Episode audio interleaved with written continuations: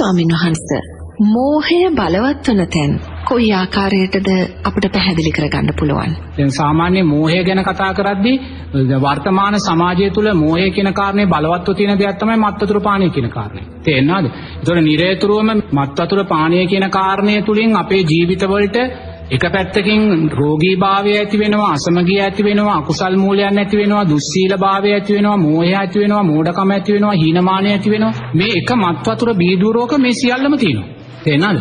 අපි එක මත් වතුරක් වීදුරුවක් බොනවා කියන්නේ මෝඩකම එතනින් ගියාම හීනමානය, රෝගීභාවය, අසමගිය, දුස්සීලභාවය, අකුසල් මූලයන් සතර අපාය මේ සියල්ලම බොනවායි කියන කාරණේ. ඒ නිසා නිරේතුරුවම මත් වතුර පානය කියන කාරණේ බලවත් වූ මෝහයට අදාළ ධර්මයක් හැටියට දකින්න දක්ෂ වෙන්න. මේ වර්තමාන සමාජයේ අලුත් මත් වතුර සංස්කෘතියක් පැතිරලා එනවා. හන්දියකට ගියාම හන්දිය අනිත් කඩවල් වලට වඩා බාහිර එක තමයි විසිතුරු. තේරෙනවද? එක එක විසිතුරු බීම જાති එක එක මිලාදික බීම જાති එක එක පිට රටින් ගෙනාපු බීම જાති අනිත් තැන් වලට වඩා විසිතුරු භාවයෙන් වර්ණත්ව භාවයෙන් දැන් මේ නැවුම් වෙලා තියෙනවා මේ මත්වතුර කඩ. තේන මේක හේතුඵල ධර්මයක්. මේ හේතුඵල ධර්මය මොකද්ද?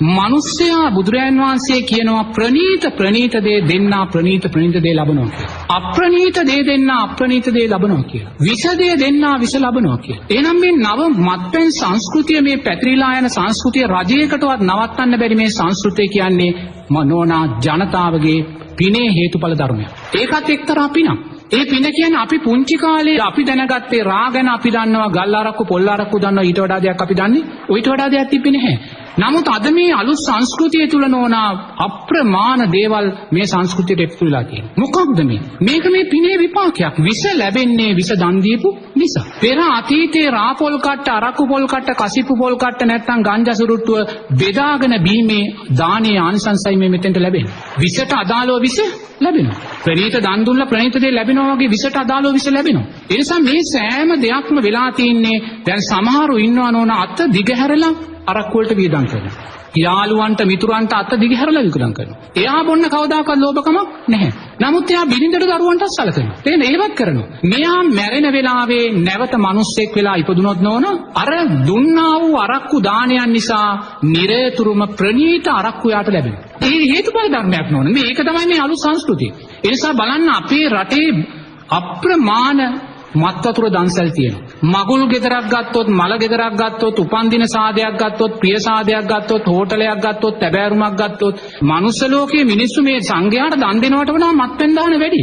කවුරුත් තනියම බොන්නේ යාත්මේ කඩ ගහගෙන ගිහිල්ලා එයාට දීලාම තමයි බොන්නේ. ඒතකොට මේකත් දානයක් නෝනා. තියෙන දානමය චේතනාව. ඒතකොට මේ ඥානමය චේතනාවට අදාළව හේතුඵල ධර්මයන් සකස් වෙනවා. ඒතකොට විසදේ දන් දුන්නා අන්න විසදේ ලැබෙනවා. විසදේ ලැබෙනකොට එයාට ලැබෙන්නේ එක එක එක එක වෛවර්ණ මේ ලේබල් එක තමයි එයාට ලැබෙන්නේ. තේරෙන? මේක මේ සංස්කාරය. තේරෙන? ළමයා ගිහිල්ලා අර එක එක රසවත් ආහාර තෝරනවා වගේ පෙර දන් දීලා පෙර අරක්කු දන් දීලා අසත්පුරුෂ අරක්කු දාණය දීලා අර විසිතුරු විසිතුරු ලේබල් මිලාදික දේවල් ඒගොල්ලන්ට ලැබෙනවා. හේතුඵල ධර්ම. ඒ නිසා ලබන්නා වූ නව වසරේදී ඔබට බැරි නම් මත්පැන් බීම කියන කාරණය ඔබට නවත්තන්න බැරි නම් අදුම වශයෙන් අනුන්ට මත්පැන් ඒ අසත්පුරුෂය දානය දීමෙන් වැළකෙන්නවත් ඔබ දක්ෂ වෙන්න ඕන.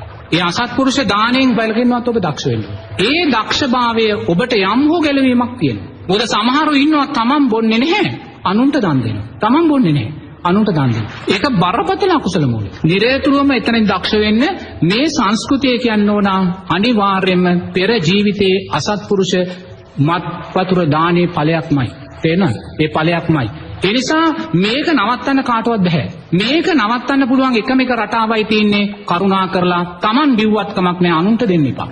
ඒතර අනුන්ට මේක ප්‍රධානය කිරීමේ ලෝභ සිතෙන් තොරව දෙන මොහොතේ ඊට අදාළව සංස්කාරයන් ඊළඟ ජීවිතේදී සකස් වෙනවා. අපිට තරුණ කාලෙම බේබද්දන් හැටියට නැත්තම් රෝගීන් හැටියට පත්වීමේ සංස්කාර උතන අනිවාර්යම තියෙනවා. ඒ නිසා ඔය කාරණේ දකින්න ඔබට මේකෙන් ගැලවෙන්න බැරි නම් ඔබ කවදාක්වත් ඔබේ මගුල් ගෙදර වේවා, උපන්දින සාදේ වේවා, මල ගෙදරදී වේවා, පිරිත් වේවා අනුන්ට මේ අසත්පුරුෂ දාණය දෙන්න යන්න. ඒ අසත්පුරුෂ දාණය ඔබ අනුන්ට දුන්නොත් ඊට අදාළ සාධකයක් හැටියට අනිවාර්යයෙන්ම ඔය මත් වතුර කඩවල පොලිමේ ඉන්න කෙනෙක් බවට ඔබ පත් වෙනවා. තේරෙනවද?